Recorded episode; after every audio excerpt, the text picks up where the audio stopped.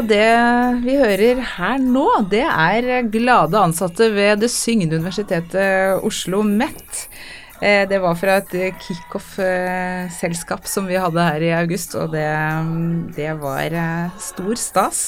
For eh, du hører nå på podkasten Viten og snakkes fra Oslo MET, og i dag så skal det handle om nettopp sang og musikk. Og det er jo da som seg hør og bør for oss som ønsker å være et syngende universitet. Og i studio i dag så har jeg med meg flere høyst uh, syngende kolleger. Uh, og aller først, Ida, du er med som eh, programleder for første gang i dag, og du er jo veldig glad i sang. Ja, litt over gjennomsnittlig der, kanskje. ja, veldig, veldig flink til å synge òg, må jeg da si som Ja, og det er du kan, også, Kjersti, men det er ikke så mange som vet om det. så har vi da invitert med oss i dag Ingrid Danbolt og Jan Sverre Knutsen, som begge to jobber jobber ved barnehagelærerutdanninga vår, og som forsker på sang. Velkommen. Takk for det. Takk for det. Så da lurer jeg på om vi rett og slett, Ida, skal vi åpne dagens tema med å eh, fastslå på et vis, eller få dere til å hjelpe oss med å fastslå at sang og musikk er eh, avgjørende for at vi mennesker skal ha et godt liv. Kan vi si det? Det er det. Jeg kjenner ikke et eneste menneske som klarer seg uten sang og musikk. Uh, romforskere som har vært oppe i, rom, hva heter det, oppe i rommet, sier at det de savner aller mest, det er fravær av lyd og musikk. Så det er, sånn, altså det er sånn våre liv ofte formes fra vi er bitte, bitte små. Noe av det første vi hører, er vuggesang. Ja, og altså, jeg har hørt om at det fins forskning som uh, belegger at sang er så viktig. Ja, eh, sang, altså Særlig for, eh, for, små barn så er jo eh, sangen en veldig omfattende del av livene deres. Det er jo, Jeg har engasjert meg i det som kalles for spontansang, fordi altså, barn ofte opp til, opp til skolealder. Og det er jo altså, mange eksempler som viser at det finnes jo barn som, som synger mer enn de snakker eh, i de tidlige årene. Men så er det mye av dette som går, går oss hus forbi. Fordi det er uttrykk som vi ikke, kanskje ikke oppfatter som sang. Altså Det er bitte små sangformler, det er små biter. Det er ting som minner om roping, skriking, hyling, som har musikalske eh, aspekter i seg hele veien. Ja. Mm. Hvor lenge Altså, jeg opplever altså ganske godt langt opp i barndommen så er det jo veldig naturlig for barna å synge. Mm. Eh, men så på et eller annet tidspunkt så så kanskje det så skjer det et eller annet. Altså for de som kommer inn i kor og korps og inn, begynner med det som fritidsaktivitet, så holder det seg. Men på et eller annet tidspunkt så, så opplever jeg kanskje at noen begynner å synes det er litt sånn At de stopper litt med det. Er det, er det sånn? Det er ofte sånn, og det er nok litt kulturelt betinga. Fordi at eh, vi voksne, vi er så opptatt av at ting skal være riktig. Eh, så allerede tidlig i barneår så er jo vi rollemodeller eh, for de barna vi omgås med, og da særlig i barnehagen. Så ser barna på hva de voksne gjør, og hermer etter de. Så, og vi skal ikke synge ved bordet, vi skal ikke synge når andre snakker, vi skal være stille i forsamlinger. Og etter hvert så, så forstummes denne eh, spontansangen som ligger der som en helt naturlig uttrykksform. Eh, den forstummes i den forstand at den fortsetter nok, men den fortsetter inni oss. Mm. Du kan nesten se at folk kan sitte og nikke og nynne på trikken. Kanskje har de et eller annet lydspor uh, i øret, men kanskje har de det ikke heller. Så vi har noen sånne indre lydspor som, uh, som uh, akkompagnerer livene våre, men vi sier det ikke til andre. I hvert fall ikke i vårt vestlige samfunn, så, så forstummer den utad. Uh, og her kommer jo litt av den forskningen som Jan Sverre og jeg mm. og to andre, altså uh, Gry Aglen og Nina Engesnes, også vært med på dette forskningsprosjektet som heter Musikalsk mangfold i barnehagen. Hvor vi uh, ser på hva slags lydspor har vi med oss i livene våre, vi som jobber med barn. og kan dette brukes og anerkjennes i større grad enn det vi kanskje gjør nå? hvorfor skal ting være så riktig hele tiden? Mm. Ehm, med det som er riktig, så kan det også fort bli litt avspist og forkorta. Fordi at eh, de riktige sangene for barn, eh, i hvert fall på 70-tallet, det var veldig pedagogisk. Dørene på bussen de gikk opp og igjen, og edderkoppen den klatrer helt opp på min hatt, og så faller det ned. Eh, så det er veldig konkret. Mens min hverdag består av veldig mange andre lydspor. Og hvordan vil det være å anerkjenne de lydsporene som alle de ansatte har med seg? Så de musikalske veiviserne som vi begynte å, å lete etter, de var det veldig spennende å forske på. Mm. Og Noe av det vi eh, forsøker å løfte fram, da, det er at det er veldig mange ulike måter å arbeide med, med musikk på. Og de, jo, de sprenger på en måte rammene av det som musikkpedagogikk er. da. Eh, så vi så jo, altså vi, I vår kartlegging så var vi ikke opptatt av om folk hadde musikkutdanning eller ikke. men Vi var opptatt av om de brukte musikk. Om de nynnet eller plystret mens de kanskje vugget et barn. Om de opptrådte for barn. Om de spilte eh, altså diskomusikk på fredager. Om de lagde ønskekonsert for barna. Alle disse ulike måtene å anvende musikk på.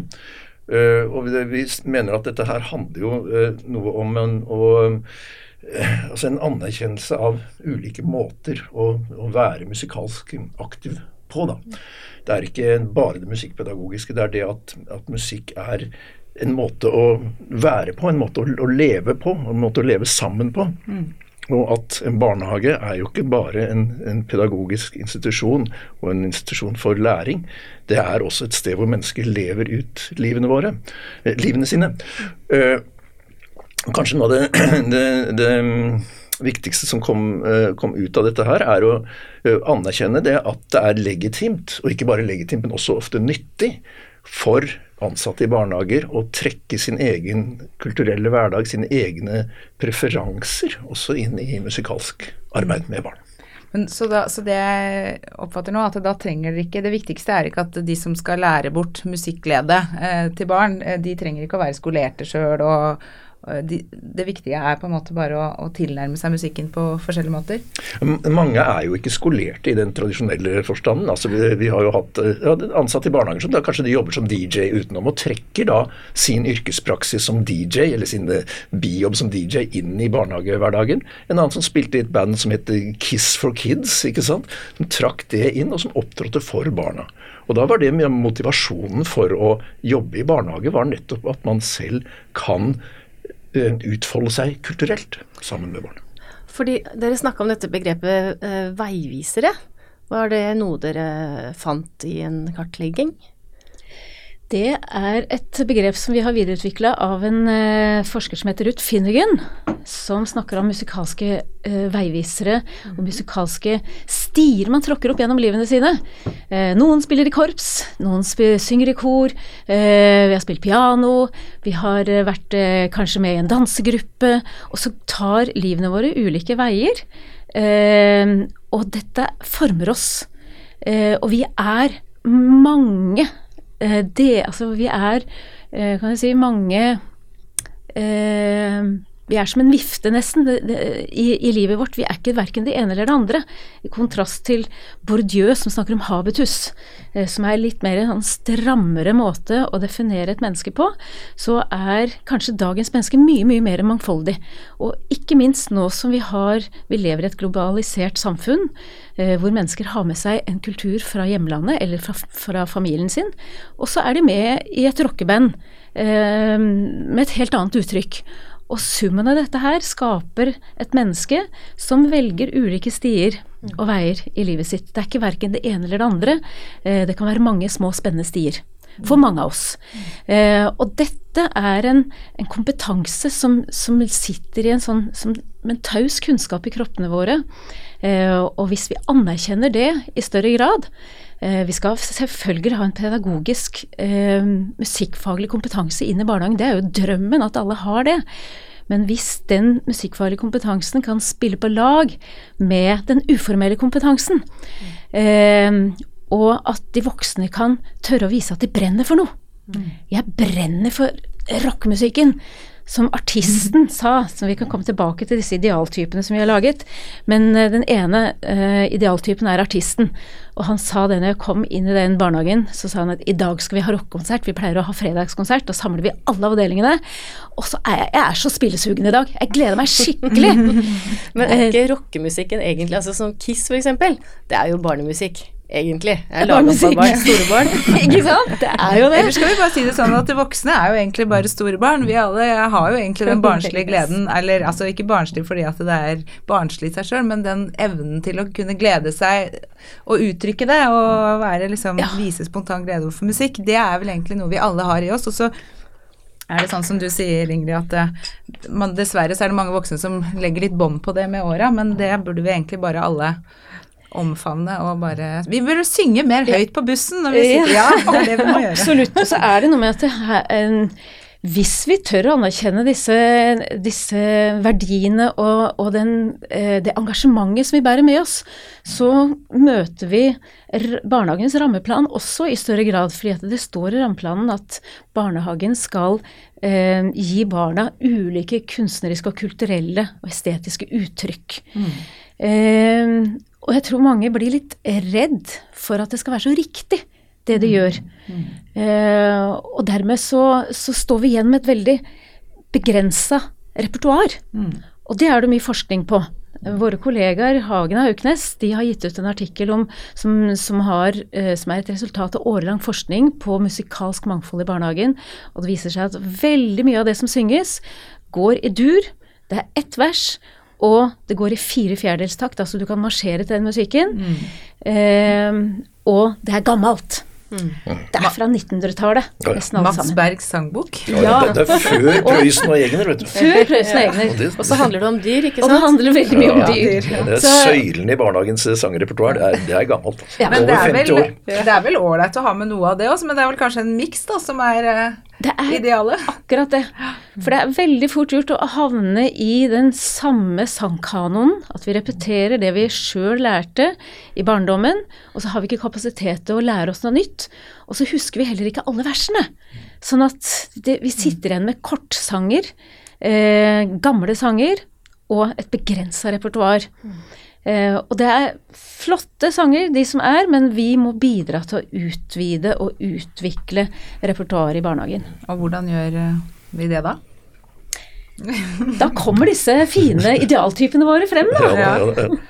Jeg kan bare si det at, at noe av poenget med den, eh, den veiviserideen er at den, den eh, sier noe om altså, yrkeslivet også i forhold til eh, hverdagslivet og til resten av, det, av ditt liv. Eh, så altså, en, en musikalsk vei det er noe som da går gjennom hele din kulturelle praksis. Alle, alle mennesker har på en eller annen måte en kulturell praksis. altså Bare det å lytte er jo en kulturell praksis, og det har jo aldri vært så mye lytting rundt omkring i, i verden som det, som det er i dag. Da. Så det, det på en måte lager en bro. Eh, og den sier jo da, som jeg sa i stad, det er, det er jo eh, legitimt. altså For jeg mener at eh, musikalsk entusiasme, musikalsk interesse har sin plass i, i barnehagen helt uavhengig av stil og, og sjanger. Men nå har dere vært inne på altså disse rollene som dere har forska dere frem til. Eh, de som jobber i barnehage går inn i når de skal formidle musikk. Eh, og dere har vært innom DJ, og, og eh, du Ingrid var litt innom artisten. Kan dere si noe om eh, de andre? Ja, jeg har bare lyst til å si, eh, si det at det er eh, Vi skiller mellom roller og væremåte. Okay. Fordi at pedagogen i meg, den går inn i en rolle. Da gjør jeg ting riktig. Og kanskje den ene idealtypen som vi har her, korpedagogen, går inn i en rolle. Fordi at da tar jeg på meg pedagoghatten, og korpedagogen den skal synge i det riktige stemmeleiet, det er godt planlagt, både repertoaret og, og hvor lys vi skal synge, og hvor lenge vi skal øve, og hvilke instrumenter barna skal spille på. Så, så der, det er kanskje den eneste idealtypen eh, som er en type rolle. Men de andre, de er seg selv. I større, mye større grad, i hvert I fall. mye større grad. Vi Du er en annerledes artist når du er en- spiller for rock for en barnegruppe enn når du spiller på, ute på en klubb i byen. ja, du tilpasser ditt publikum. Selvfølgelig. Men, men allikevel så, så går du inn, og du er liksom Du er artisten. Det, det bare Det oser artist eh, når, når hun eller han drar fram gitaren og er spillesugen. Ja, er du ikke kanskje enda mer deg selv da, når du spiller for barn? Akkurat som det der med å synge for barna sine hjemme, at mange da endelig tør å synge når de skal synge nattasangene. Da kommer liksom eh, fram. Ja, det kan godt hende. Og så, eh, som en sa, at her har jo et veldig takknemlig publikum, og de er der alltid. så, så sånn sett så kan det hende at mange artister opplever enda større glede Eh, og så har vi DJ-en, da. Ja, ikke sant. Som, som tar med seg altså, bærbare høyttalere ut på tur i skogen. Og plutselig, hvis noen barn begynner å nynne på, på en, et eller annet Nå var det øl på afterski eller noe sånt, så, så vips, så, så laster hun, er hun på nett og, og laster hun det. Jeg er best på play, sa DJ-en. Ja, I intervju, ikke sant. Ja, jeg ser jo at det er veldig mye DJ-innslag på, på skolen der hvor eh, mine barn går. For når jeg kommer og henter på fredager, så står uh, typ sånn VG-lista topp 20 på høyttalere ute i skolegården, og da er det fullt disko i skolegården rett og slett på fredag klokka fire. Og det er jo veldig, eh, veldig kult, altså. Ja, og Men så har du andre som, som f.eks. setter på rolig klassisk musikk når barna ankommer om morgenen. ikke sant? Vil ha en slags eh, bakgrunn til det. Eller de som eh, altså, Andre av disse veiviserne våre, den som går og nynner mens de lager mat, eller med barna på stellebordet. altså den Omsorgsgiveren, f.eks. Ja, for det er også en av disse Ja, ikke rollene, men, eh, men væremåtene. Omsorgsgiveren. oms omsorgsgiveren er kanskje den mest undervurderte og minst anerkjente musikalske veiviser, som kan ha enormt betydning i veldig mange barns liv når det gjelder å sette lydspor til livene våre. Eh, omsorgsgiveren er kanskje en type si, bestemor. I den forstand at eh, omsorgsgiveren har nær relasjon til barna. Eh, jobber gjerne på en småbarnsavdeling. Eh, synger ved stellebordet. Still, eh, av- og påkledningssituasjoner, det vi kaller uformelle situasjoner, eller mellomrommene. Eh, det som ikke er samling eller utelek, eller, men mellomrommene. Og det, de er det ganske mange av. Altså det er overgangssituasjonene i barnehagens hverdag. Og omsorgsgiveren er også veldig flink til å være det vi kaller for ladestasjon. Eh, hvis et barn er litt ute av seg, slår seg, er liksom ikke helt eh, i godlaget, så kan omsorgsgiveren ta dette barnet på fanget, synge en sang, nynne litt, vugge litt. Og så er man en ladestasjon, før, og så får barnet ny energi og leker videre. Trenger en liten periode med trygghet og ro, for så å fare ut igjen til de andre barna. Det er jo noe vi kjenner oss igjen i som voksne òg. Og det å kunne bruke musikk for å ja, roe ned og eller Ja. Jeg tenker ofte at det er sånn at eh, musikk alltid altså, altså jeg finner et eller annet type musikk som skal fremheve den følelsen jeg ønsker Nettopp, å være i til enhver tid. Er jeg lei meg, så vil jeg høre på en spesiell Ja, ja. type musikk. Vi, vi voksne vi, ikke sant? vi bruker jo vi bruker innspilt musikk til å regulere Ja. eh, følelsene våre. Skal, altså, vi, skal vi lade opp før vi går ut på en fest, eller skal vi, skal vi eh, dyrke vår egen melankoli med en eller annen eh, gammel låt vi husker fra, fra vår ungdom? ikke Ja. sant? Men de minste barna de har ikke det forholdet til å bruke innspilt musikk. Det kommer, og det kommer kanskje tidligere og tidligere. Så da bruker jo barn sin egen stemme for å regulere sin eh, sinnstilstand. Og, Det betyr at de synger for seg selv. ikke sant? De synger om seg selv, de synger eh, sine handlinger. Eh, og en Spontansang har jo blitt, eh, ofte blitt knytta til eh, kommunikasjon, altså arbeidet til Jon Roar Bjørkvold med det musiske mennesket osv. Og, så og det har blitt knyttet til noe pedagogisk, altså at barn lærer musikk i det. Men en, en ting som jeg har eh, forsøkt å framheve, det er at barn også synger for seg selv, og for å påvirke sin egen til, sinnstilstand. Ja, jeg har en eh, gutt som pleier å synge seg selv i, i søvn. Han Nettopp. får noen sanger, men han fortsetter som en sånn jukebox etterpå. Og da er det uavhengig av om det er eh, voksne som hører på. at Det er, det er ikke for et publikum, det er rett og slett for, for seg selv. Også den der, ikke minst den der konsentrasjonssyngingen. For det merker jeg hvis at eh, min datter sitter og tegner eller er, skal konsentrere seg om å holde seg innafor streken, eller hvis hun driver og fletter håret mitt, eller hva, så er det Så nynner hun konstant. Det går liksom helt sånn mekanisk nærmest, ikke sant? Det er sånn konsentrasjonssynging. Akkompagnerer sine Ja. egne liv og, og aktiviteter.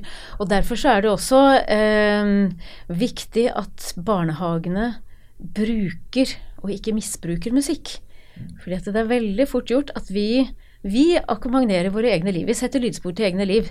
Og vi vil jo at, uh, at eh, de ansatte skal bruke sine egne uh, egenskaper og uformell kompetanse, men alle vanene våre trenger vi ikke å legge, legge inn i barnehagens hverdag. Så at Vi setter på radioen eller vi setter på musikk fordi vi vil komme i den stemningen vi ønsker. Men det påvirker jo hele avdelingen.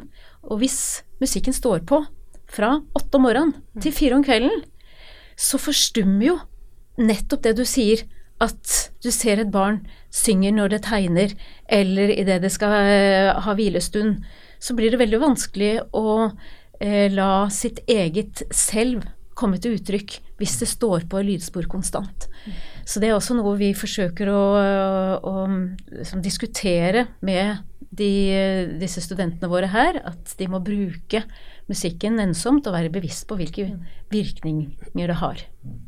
Ja, er, er det litt sånn konkurranse nesten mellom det å synge selv og det å bruke innspilt musikk? Altså at det står litt opp mot hverandre?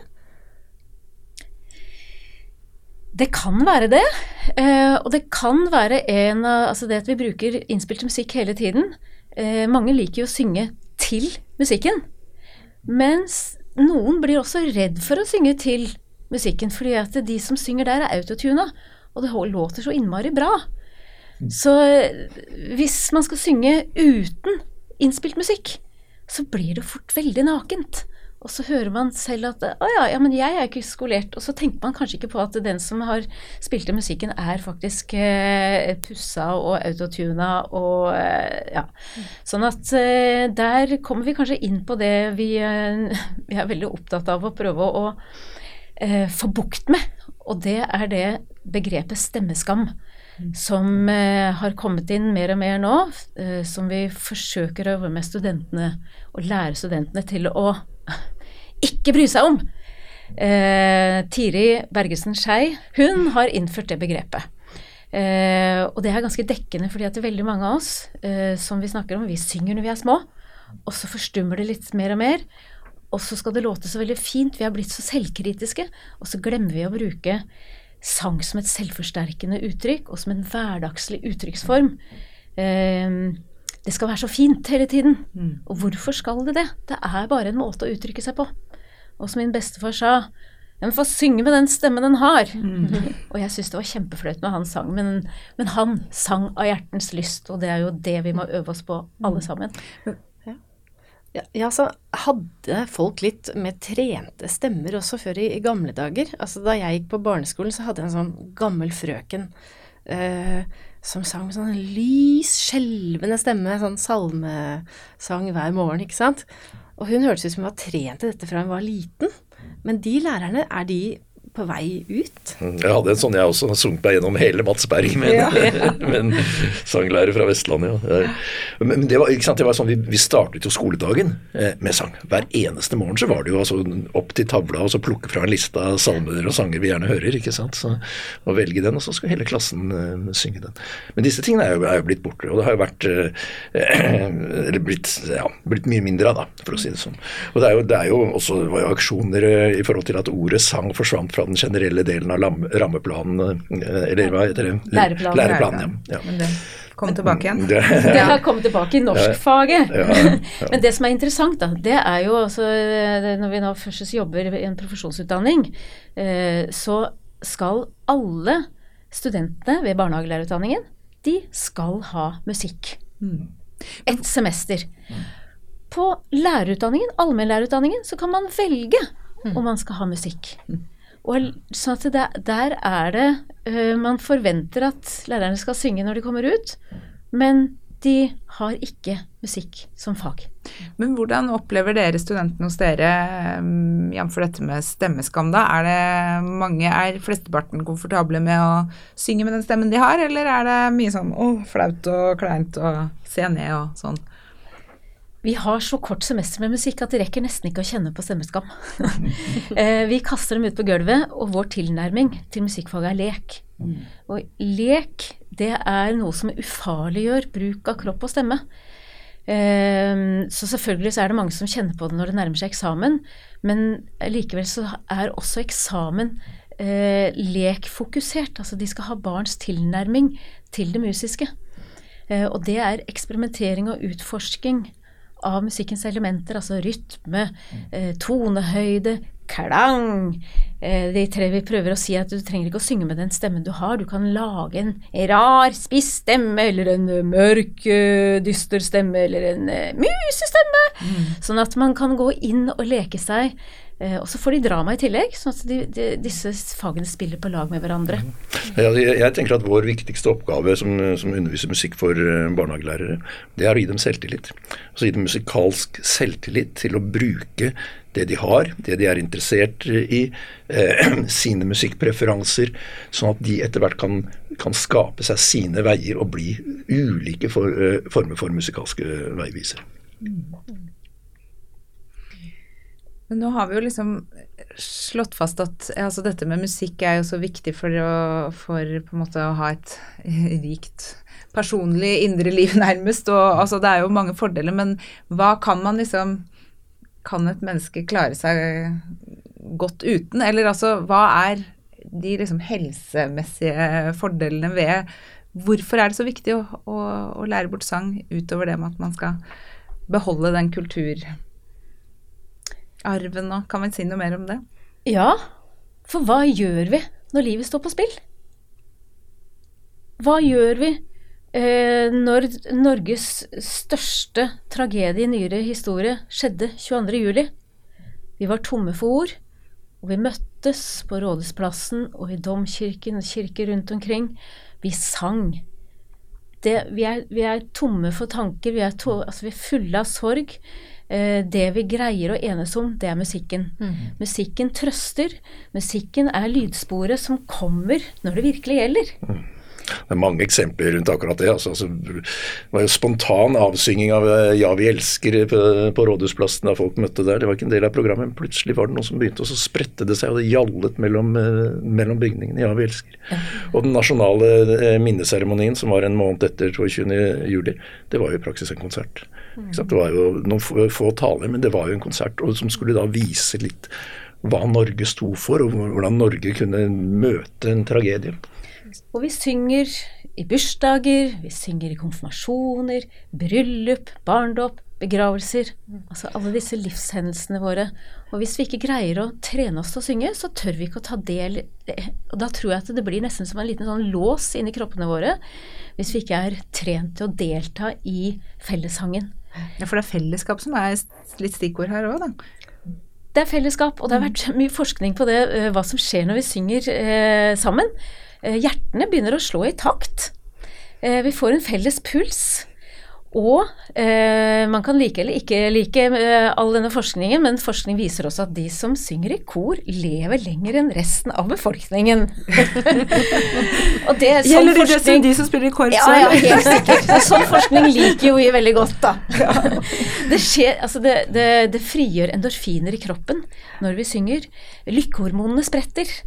Eh, og pulsen går ned.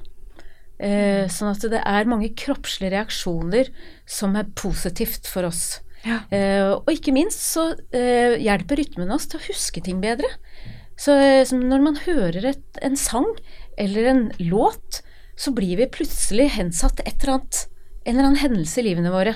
Mm. Eh, barnesang kan sette meg rett tilbake til barndomshjemmet mitt, eh, eller til en eller annen barneskolesetting. Eller jeg husker uh, 'Wake me up before you go go'. Da var jeg på skoletur i mm. England. Så at disse lydsporene er kanskje viktigere for oss enn det vi tror. Ja, Og det der med minner som vekkes opp, altså er det ikke gjort eh, forskning også på hva som skjer på for, eh, sånne demensavdelinger f.eks.? Altså, Kan man ikke redusere medisineringen f.eks. med å Ja, det er, det er uh, I Bergen, altså musikkterapistudiet i Bergen, der har de prosjekter, noe som heter Polyfonsamarbeidet. Og den, Jeg leste nettopp en, en, en rapport om en demensprosjekter der. Så det er, det er, blitt ganske stort. altså Musikk og musikkterapi i geriatri er blitt viktig. Det er enormt mye de husker, mm. og enormt mye de mestrer når de hører eller deltar i musikkaktiviteter. Mm. Og Sjøl opplevde jeg det. Jeg hadde et kor som sang på et alders- og sykehjem. Eh, og vi sang en ganske kjent vise av Evert Taube, 'Så skimrande ved aldri havet'. Plutselig så reiste en av kara seg der, han var dement. Reiste seg opp, gikk bort til koret og sang bassstemmen sin prikkfritt. Og vi sa tusen takk, og han satte seg ned igjen og hørte på de andre sangene. Så da var det glimt av mm. en, en, et tilbakeskuende liv som han hadde levd. Mm. Mm. Ja, der sitter jeg med tårer. Ja, jeg så det på deg. Ja. Ja. Og Kjersti, vi, altså, vi er jo ikke her på Oslo Met, så er vi verken eh, demente, tror jeg, eller, eh, eller så mange småbarn. Men eh, hva, vi er liksom midt i livet, typisk en arbeidsplass med, med folk som holder på med noe helt annet enn en sang og musikk, de, mange av oss. Eh, hvordan kunne vi ha eh, brukt disse her effektene? Hva tror dere? Ja, Ja, vi synge, synge sammen, ikke sant. Ja.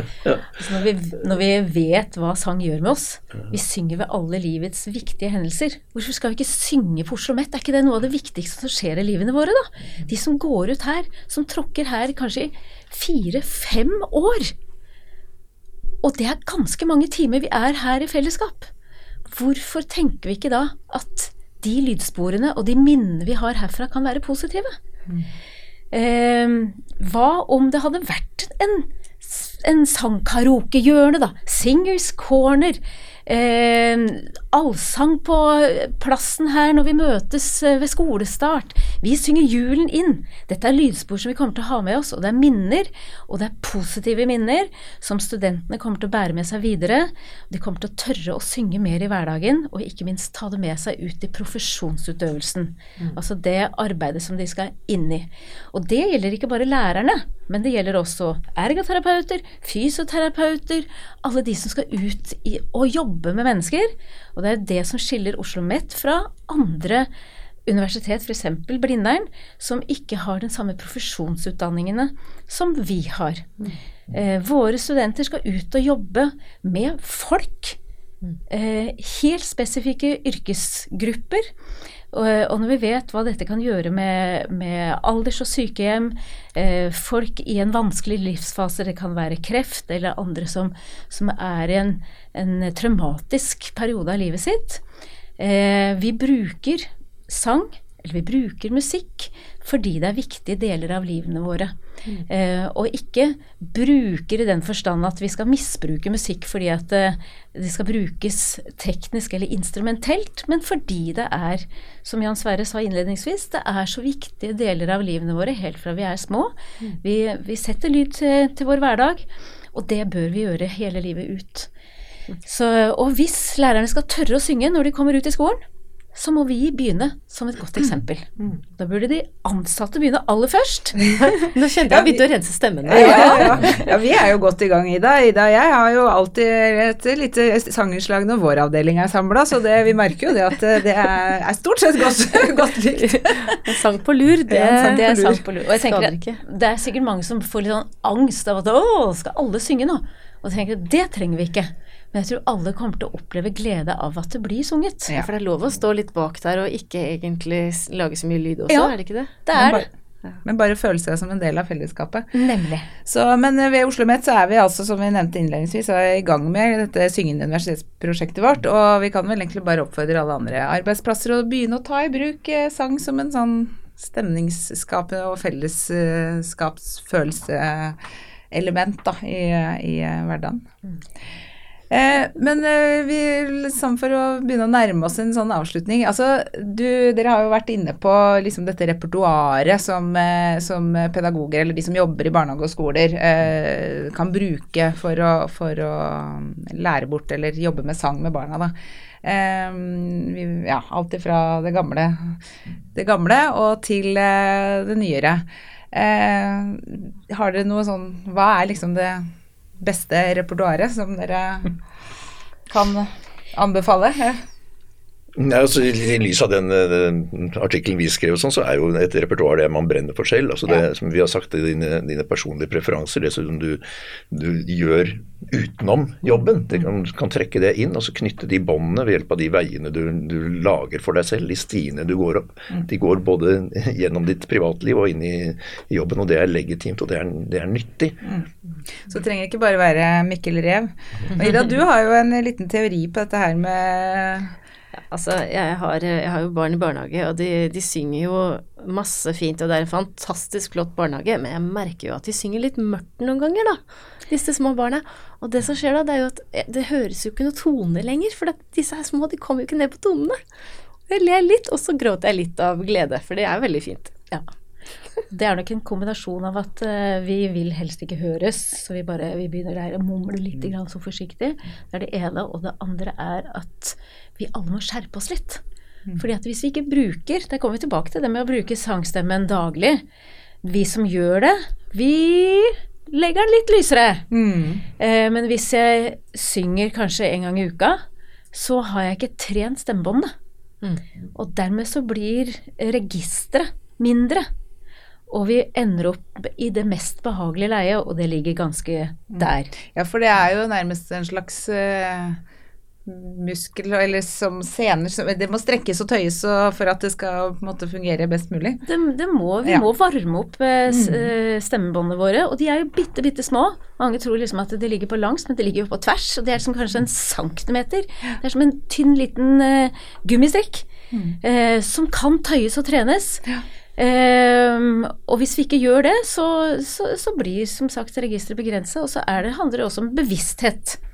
At vi, vi må vite at barnestemmen, den er lysere. Ja, fordi når de voksne da legger eh, sangen f.eks. sånn Mikkel Rev Det er litt deilig for meg, men hva gjør de barna da? Nei, de svømmer litt sånn, virrer rundt som en mygg. Ja, finner ikke helt. Å, leter, ja. Det, men det, ja, det er en eh, for, utfordring, altså. Det merker jeg når vi setter i gang, eh, skal begynne å synge bursdagssang i avdelinga, og så er det sånn, hvor skal man begynne for å få med seg alle sammen? Det blir litt sånn, å, jeg legger litt opp og ned, og ja.